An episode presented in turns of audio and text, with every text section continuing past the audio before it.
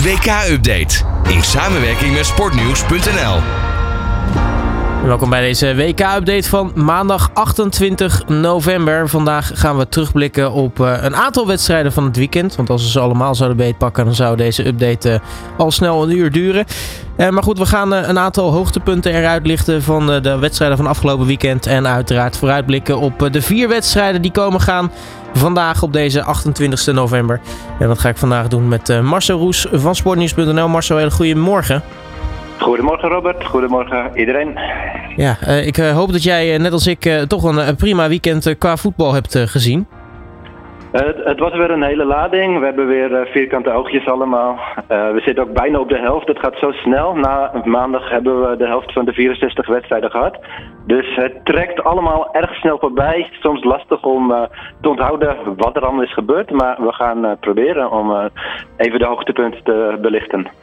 Ja, hadden we toch het afgelopen weekend erbij moeten pakken. Uh, nou, de zondag doen we wel in zijn geheel. Maar uh, één wedstrijd eruit uitlichtend van de zaterdag. Uh, Argentinië tegen Mexico. Wedstrijd eindigde uiteindelijk in 2-0. Vooraf toch voorspeld als een, een heel, heel, heel heet, heet potje. Ja, ik denk het woord dat we het meest hebben gehoord rondom die wedstrijd is grinta. Want uh, ja, daar geilen heel veel mensen op. Altijd als er een uh, Latijns-Amerikaanse speler ook in een eredivisie-ploeg gespeeld, wordt er altijd gehoopt. Ze brengen zoveel grinta.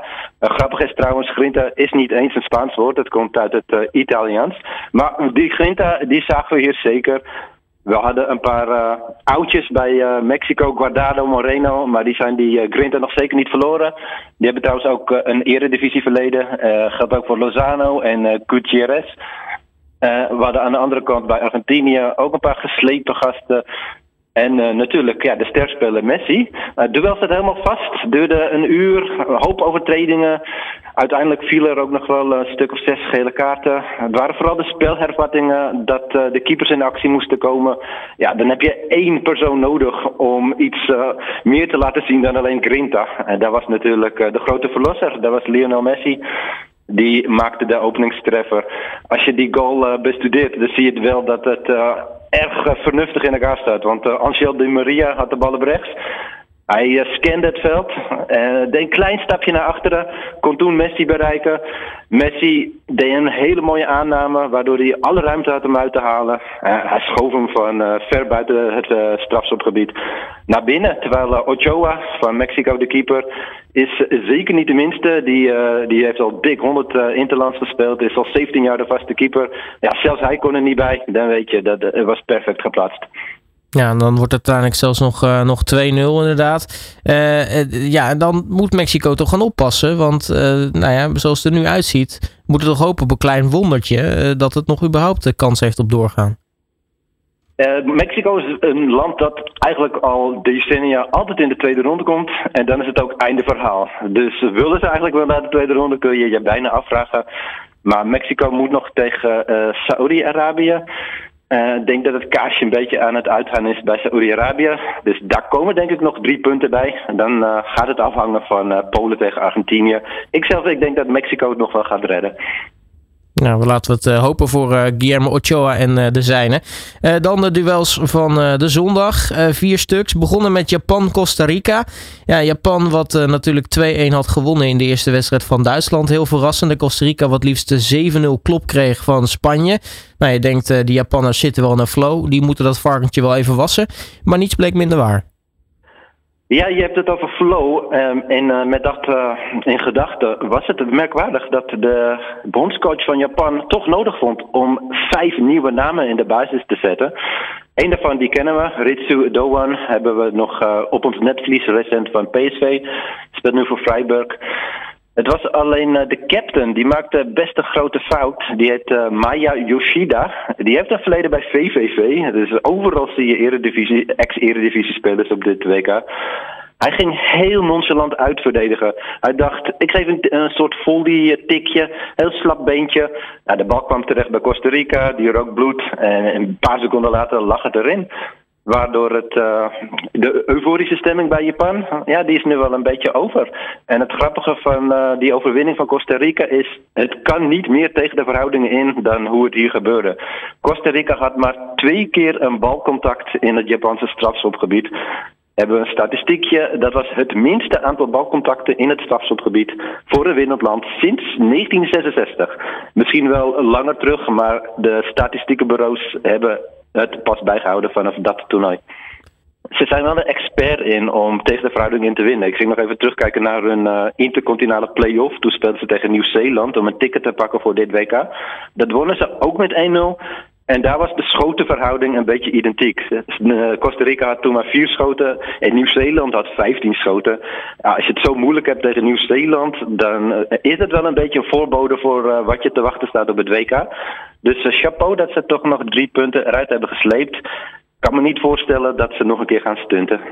Ja, en toen uh, kwam uh, de wedstrijd die uh, voor heel veel onrust heeft gezorgd in nou ja, niet alleen Nederland, maar ook in België. De wedstrijd van België tegen Marokko. ja, de gouden generatie die het toch nog even één keer moest doen voor België. Maar ja, lijkt toch wel een beetje op zijn retour, die gouden generatie. En Marokko, wat met een aantal frisse spelers, ook van Nederlandse komaf, met 2-0 wist te winnen. Ja, ook hier weer hebben we mensen met een eredivisie verleden. Niet uh, in de uh, minste daarvan uh, Hakim Ziyech natuurlijk. Hij gaf een assist. Hij maakte nog een goal een, vanuit de vrije trap. Die werd afgekeurd omdat een collega stond hinderlijk voor, het, voor het zicht van de Belgische keeper Courtois. Zo'n situatie hadden we ook meegemaakt bij Ecuador-Nederland op vrijdag. Dat Ecuador dacht te scoren, maar iemand stond hinderlijk buitenspel. Waardoor het uiteindelijk werd afgekeurd. Uh, en uh, Abu Glau, die maakte uh, in de slotfase nog even de 2-0. Die kennen we nog van AZ. Ja, wat België betreft, ze hebben een hele mooie periode gehad. Maar net niet die hoofdprijs gehaald. Uh, ook nog vierde geworden. Dus niet eens brons mee kunnen slepen vier jaar geleden. Het wordt de gouden generatie genoemd. Dat was natuurlijk de hoop.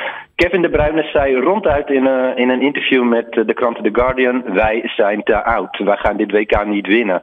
Ja, dat blijkt een, uh, een gouden voorspelling in elk geval. Want het is een beetje de grijze generatie aan het worden bij België. Het is bovendien uh, ja, voor uh, België de eerste nederlaag in een WK-groepsfase sinds 1994. Toen gingen ze de boot in tegen Saoedi-Arabië. Daarna hebben ze acht keer gewonnen en vijf keer gelijk gespeeld. Dus het is niet alleen een pijnlijke nederlaag, maar ook een symbolische nederlaag. Het lijkt inderdaad uh, echt de definitieve neergang van deze gouden generatie. Aan de andere kant, Marokko, die heeft misschien wel een soort gouden generatie te pakken. Dit is pas de derde keer dat Marokko een groepswedstrijd wint. Het lukt een keertje tegen Portugal, het lukt een keertje tegen Schotland. En nu uh, de derde keer. Ja, dat moest uh, groots gevierd worden in onder meer Brussel en in diverse Nederlandse steden. Dat uh, hebben we allemaal, uh, als je daar woonde, allemaal kunnen meemaken en anders op het nieuws gezien. Nou ja, die blijdschap is te begrijpen. Jammer dat het hier en daar wat uh, uit de hand liep. Maar voor Marokko betekent dit dat ze vrij zeker naar de volgende ronde gaan. Alleen als zij met ruime cijfers verlies van Canada, dan zou België nog langs kunnen vloepen. Dus ik denk dat we Marokko eindelijk weer ja, mee zien doen op het wereldtoneel. Het zat er altijd al in. Vier jaar geleden hadden ze ook een sterk team. Maar toen lukte het net niet. Vooral het scoren lukte toen niet. Ja, als Ziyech zo door blijft gaan, wie weet wat er nog mogelijk is. Ja, precies. En uh, die andere wedstrijd werd uh, daarna gespeeld uit die groep. Uh, Kroatië tegen Canada. Canada wat nou ja, het op zich niet eens zo heel slecht deed tegen België. En ook in deze wedstrijd tegen Kroatië op een 1-0 voorsprong kwam. Maar ja, dat, dat hielp uiteindelijk niet, want Kroatië walste er overheen daarna. Ja, Canada werd uh, geprezen om uh, de energie en dynamiek in hun eerste groepswedstrijd tegen België. Ik denk dat ze te veel energie hebben gebruikt in die wedstrijd, want ze begonnen ook op die manier tegen Kroatië. Bleek toch dat dit is toernooivoetbal. Ja, je moet het toch iets zuiniger aanpakken. Gaandeweg de wedstrijd vond Kroatië wel de ruimtes. Het, uh, Canada was uitgeraasd. Dat uh, energieniveau, dat, uh, dat ging het rood in. De bijnaam van het team is ook de Reds of Les Rouges. Maar dat lukte niet meer om, vooral in de tweede helft, om al die gaatjes dicht te blijven lopen. Ja, opstekertjes dat ze hun eerste goal ooit hebben gemaakt op een WK. En wie anders dan Davis. Dat is en nu al de bekendste Canadese voetballer ooit, terwijl hij nog zo jong is. Aan de kant van Kroatië was het denk ik niet Modric die de kar moest trekken. Het was uh, Mateo Kovacic, de middenvelder van Chelsea. Die was gewoon overal op het veld te vinden. Hij tackelde erop los, hij creëerde kansen, zijn passing was heel zuiver. Modric begint uh, ja, ieder op leeftijd. Uh, zeker niet afgeschreven. Misschien gaat hij nog uh, strooien met sleutelpaasjes. Maar ik zou Kovacic man van de wedstrijd noemen. Iemand anders die we nog even in het zonnetje kunnen zetten is Atiba Hutchinson. 100 caps voor Canada. Hij is nu de recordhouder. Ook hij kennen we nog uit de eredivisie. Hij speelde ooit voor PSV. En ook is Kroatië nu heel snel gepasseerd. Na 68 seconden stonden ze achter. Vier jaar geleden kreeg Kroatië ook de snelste tegentreffer. Toen gebeurde het na 57 seconden tegen Denemarken. Iets om nog even op te letten bij Kroatië.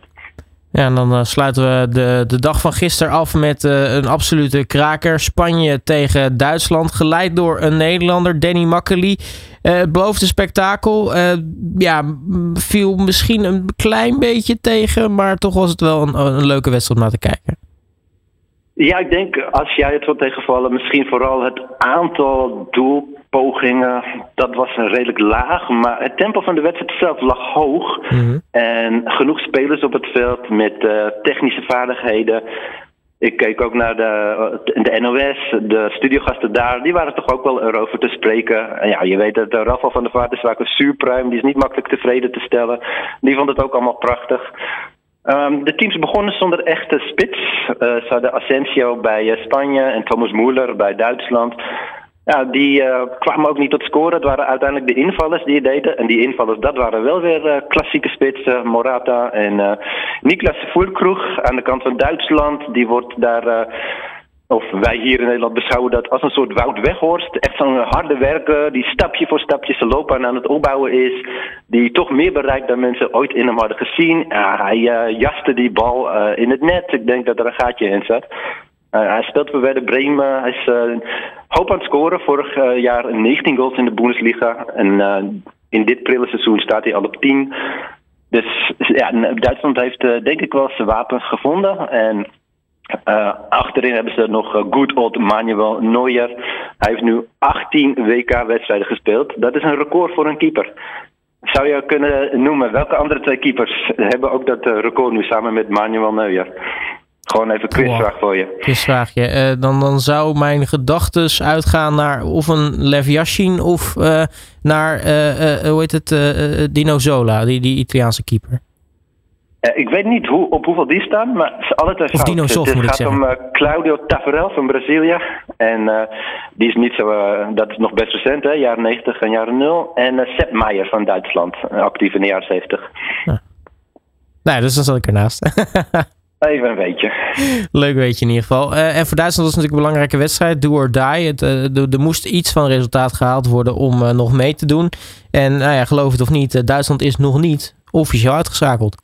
Duitsland staat laatste in de pool na twee wedstrijden. Eén puntje, dan denk je, goh, goh, goh, dat wordt lastig. Ik denk niet dat het lastig wordt, want Duitsland gaat nog tegen Costa Rica. Ik denk dat Costa Rica samen met Qatar toch de zwakste landen zijn van dit toernooi. Aan de andere kant, uh, Japan en Spanje gaan gelijktijdig spelen. Als Duitsland uh, 2-3-0 wint, dan zou dat al genoeg zijn, uh, sowieso, want Japan staat op drie punten. Dus als Japan gelijk speelt, dan zou Duitsland ook uh, aan een niet eens heel uitbundige zege op Costa Rica nog uh, genoeg kunnen hebben. Dus Duitsland die gaan we nog wel terugzien. Hè? Echte toernooiploeg die groeit erin. Dat hebben we kunnen zien.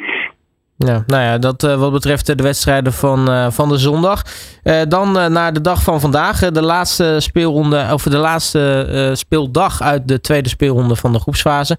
groepen G en H komen in actie. We beginnen zometeen om 11 uur met Cameroen tegen Servië. Juist, Cameroen heeft een uh, nederlaag op zak. Zwitserland won 1-0. En Servië heeft ook een nederlaag op zak. Verloor van Brazilië. Nu zal Servië daar niet zo uh, verbaasd door zijn. Ja, Cameroen had misschien gedroomd van toch een resultaatje te kunnen halen tegen Zwitserland. Uh, daardoor krijgt dit een karakter van do or die voor beide landen. dit zijn sowieso landen die wel gewend zijn om te verliezen op een WK. Cameroen heeft acht keer op rij verloren. Hun laatste acht WK-duels Als het vandaag weer misgaat, hebben ze het uh, negatieve record van uh, Mexico geëvenaard. Die verloren tussen 1930 en 1958 negen WK-wedstrijden op rij. Daar wil je niet in terechtkomen in zo'n lijstje. Als ik de trainer was van Cameroen, hadden we dat in de kleedkamer op posters opgehangen. Dat, dat prikkelt wel. En voor Servië gaat niet heel veel beter. Servië verloor acht van de laatste tien WK-wedstrijden. Nu heeft Cameroen wel ehm, was het eerste Afrikaanse land dat ooit in de kwartfinale kwam, zowel in 1990. Dus uh, ze hebben toch een reputatie om hoog te houden. Ze waren ook nog de nummer drie van de Afrika Cup eerder dit jaar. Ze hebben spelers, uh, niet tenminste toch achterin. André Onana op goal van Inter Milan, kennen we nog van Ajax. En voorin hebben ze Erik uh, Maxime Choupo-Moting van Bayern München. 33 jaar, maar iemand voor Zwitserland om zeker even stevig te gaan dekken ja, lastig te voorspellen wedstrijd, lijkt me. Ja, en dan om eh, twee uur komt het eh, tweede Afrikaanse land van vandaag in actie. Uh, Ghana, die neemt het op tegen Zuid-Korea. Zuid-Korea speelde een van de minst aantrekkelijke wedstrijden tot nu toe van dit WK. Lag niet zozeer aan die 0-0, maar er waren echt helemaal geen schoten op goal afgelopen vrijdag. Ghana speelde juist wel in een, uh, wedstrijd met een hoop goals en een hoop uh, momenten van uh, paniek. Namelijk tegen Portugal werd 3-2. Ja, bij Korea hebben we Son als grote man. Die kennen we van Tottenham. Voor de rest hebben ze een hoop mensen die Kim heten achterin. Ja. Bij Ghana zou ik zeggen Kudus. Die maakt een goede indruk. Hè? Hij is bedrijvig. Hij is bij veel aanvallen betrokken. Hij barst ook van het zelfvertrouwen. Hij zei al uh, voor het WK begon, uh, Neymar, ben niet minder dan Neymar. Hij is alleen iets bekender dan ik, maar mijn tijd komt nog wel. Nou, dit is dan uh, zijn tijd tegen Korea. Als, als hij daar niet laat zien, dan kunnen we concluderen dat hij wel een erg grote mond had. Verder hebben we nog bij Ghana Sulemana van Ren, Inaki Williams van Athletic Bilbao, Thomas Partey van Arsenal. Ik denk dat Ghana dus individueel gezien wel wat meer uh, kwaliteit en talent heeft. Um, het zal aankomen of Korea hecht en georganiseerd speelt, zoals we het team al een paar decennia nu kennen. Uh, Williams noemde ik net. Hij heeft dit jaar pas die switch gemaakt. Want hij had al een paar interlands gespeeld voor Spanje. Dacht, daar komt het niet echt aan de bak. Ik ga toch even terug naar mijn roots. En dat is dus Ghana. Ja, dan nog even snel terugkomend op die wedstrijd van Cameroen tegen Servië. Want uh, terwijl ons gesprek gaande is, is uh, Onana uit de selectie gezet om disciplinaire redenen. Dus uh, nou ja, die gaan ze dan wel missen. Oké, nee, daar weet ik op dit moment nog niks van. Maar we kennen Onana van zijn Ajax-tijd nog wel als een beetje excentrieke vogel die zo zijn streken heeft. Dus ik ben benieuwd wat hij nu geflikt heeft. Maar ja, eeuwig zonde als hij op deze manier zijn uh, carrière gaat schaden. Want hij is nog jong, keepers kunnen lang mee. Er ligt nog heel veel in het verschiet voor hem. Dus gaan we straks even kijken wat er aan de hand is. Precies, en dan gaan we natuurlijk om uh, vijf uur beginnen met Brazilië tegen Zwitserland. nou ja, je noemde het al, Zwitserland en Brazilië allebei hun eerste zegen op zak. maar nou ja, de, kenners denken achter toch wel meer kansen toe aan Brazilië dan aan Zwitserland vanmiddag. Ja, Brazilië was al uh, de bookmakers favoriet. En van heel veel mensen die hun poeltje hebben ingevuld, ook de huizenhoge favoriet, hebben dat min of meer waargemaakt tegen Servië. Kijk, je kan niet elke wedstrijd met 10-0 winnen en je kan niet elke wedstrijd uh, eh, 100% balbezit hebben. Dat heeft nooit iemand. En natuurlijk ging het een beetje moeizaam, want Servië had maar één doel: heel lang die nul houden. Nou, missie half geslaagd, want uiteindelijk kwam Brazilië vrij makkelijk doorheen met al die circusartiesten van ze. En ja, dat, uh, dat team heeft ook gewoon, neemt ook zo'n reputatie met zich mee. Je staat eigenlijk al op voorsprong op het moment dat die volksliederen worden gespeeld. En er staan er elf van die mannen in die knalgele shirts. Tegenstander denkt automatisch als ze dat zien van, ja, we gaan het lastig krijgen vandaag. Um, ze hebben, eh, bij, bij Zwitserland is dat misschien iets minder zo. Want Zwitserland kan even naar de statistieken kijken. En dan zien ze dat in de vier afgelopen duels ging het heel gelijk op. Beide landen wonnen er één en het werd twee keer gelijk. En tel je al die goals van elkaar eh, op van die vier wedstrijden, staat het gewoon 5-5. Dus Zwitserland hoeft niet te wanhopen dat ze machteloos zullen zijn tegen de Zuid-Amerikanen.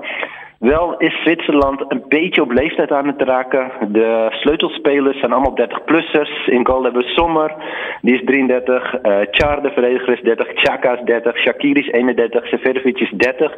Dus nog wel aan de goede kant van de 30 echt uh, een, uh, een leeftijd waarop het moet gaan gebeuren voor Zwitserland. En Zwitserland heeft misschien niet de reputatie van uh, heel groot voetballand, maar het is solide. Hun resultaten zijn helemaal niet verkeerd. Van WK 2014 tot en met nu hebben ze telkens de groepsfase overleefd van al die toernooien tussendoor. Alleen Frankrijk heeft dat ook geflikt. Dus ja, als je in een statistiekje samenstaat met Frankrijk, doe je het helemaal niet verkeerd. Uh, Neymar en Danilo, daar zijn aan de kant van Brazilië vraagtekens over of ze inzetbaar zijn. Ik las net nog dat uh, bondscoach van Brazilië zei: ja, het gaat uh, waarschijnlijk wel lukken met Neymar. Maar eerder berichten waren dat hij de rest van de groepsfase gaat missen. Goed nieuws voor Anthony, die inmiddels voor Manchester United speelt, maar tot voor kort voor Ajax. Want als Neymar eruit is, dan denk ik dat hij dat plekje gaat opvullen. Ja, precies. En dan krijgen we Circus Anthony in, in actie. dan sluiten we de dag af met groep H om 8 uur. Portugal tegen Uruguay. Ja, Portugal tegen Uruguay was vier jaar geleden nog een van de achtste finales. Uruguay won toen met Suarez en Cavani, ja, die toen vier jaar jonger waren. En ik denk dat is wel cruciaal. Ze zijn nu dus vier jaar ouder. Er werden bij de NOS ook beelden vertoond van Suarez die een sprintje probeert te trekken. En dan lijkt het alsof hij een zak aardappelen met zich meetorst. Beste is er wel van af. Met de Spirit is niks mis. Met uh, de veelgeroemde Grinta is niks mis. Maar de Brie is er een beetje vanaf bij Uruguay. Maar er zijn wel helden opgestaan in de tussenliggende vier jaar sinds uh, Uruguay van Portugal in Rusland. We hebben nu Valverde van Real Madrid, we hebben Nunez van Liverpool. Portugal is toch ook aardig ververst in de afgelopen vier jaar. Het is echt niet alleen een Cristiano Ronaldo show. Alhoewel hij dat uh, natuurlijk wel nog steeds uh, probeert zijn kant op te trekken. Want in de vorige wedstrijd van Portugal had hij uh, vier schoten. Dat was het meest van iedereen op het veld. Alle vier ook vanaf het penaltygebied. Dus dat is waar hij graag staat tegenwoordig. Hè. Hij is al lang niet meer die flitsende buitenspeler van zijn beginjaren. Mm -hmm. Hij wil afmaken. Maar wat heeft Portugal er nog meer bij gekregen? Nou, bijvoorbeeld de Rafael Leao van Milan en Felix van Atletico Madrid. Beide teams hebben denk ik de combinatie van jeugd of mid-twintigers en oude rotten waarmee je ver kan komen op het toernooi. Ik denk dat die wedstrijd van Uruguay tegen Korea, ja, dat was gewoon een bedrijfsongevalletje. Er zit veel meer in dan ze toen lieten zien. Uruguay is toch ook wel zo'n uh, geslepen toernooiploeg uh, gebleken. Ze zijn tweevoudig wereldkampioen immers. Die weet dat je niet à la Canada meteen al je kruid moet verschieten. Gewoon stapje voor stapje. Als je er maar doorkomt, dan maakt het niet, niet uit hoe. Ook dit is heel lastig te voorspellen wedstrijd, lijkt me. Ja, dus uh, kortom, uh, we gaan nog een aantal lastig te voorspellen wedstrijden zien vandaag. Um, Marcel Roes van uh, Sportnieuws.nl, mag ik je weer hartelijk danken voor je tijd en natuurlijk veel kijkplezier vandaag. Ja, hartelijk dank en fijne voetbaldag. Alle sporten van binnenuit. All Sport Radio.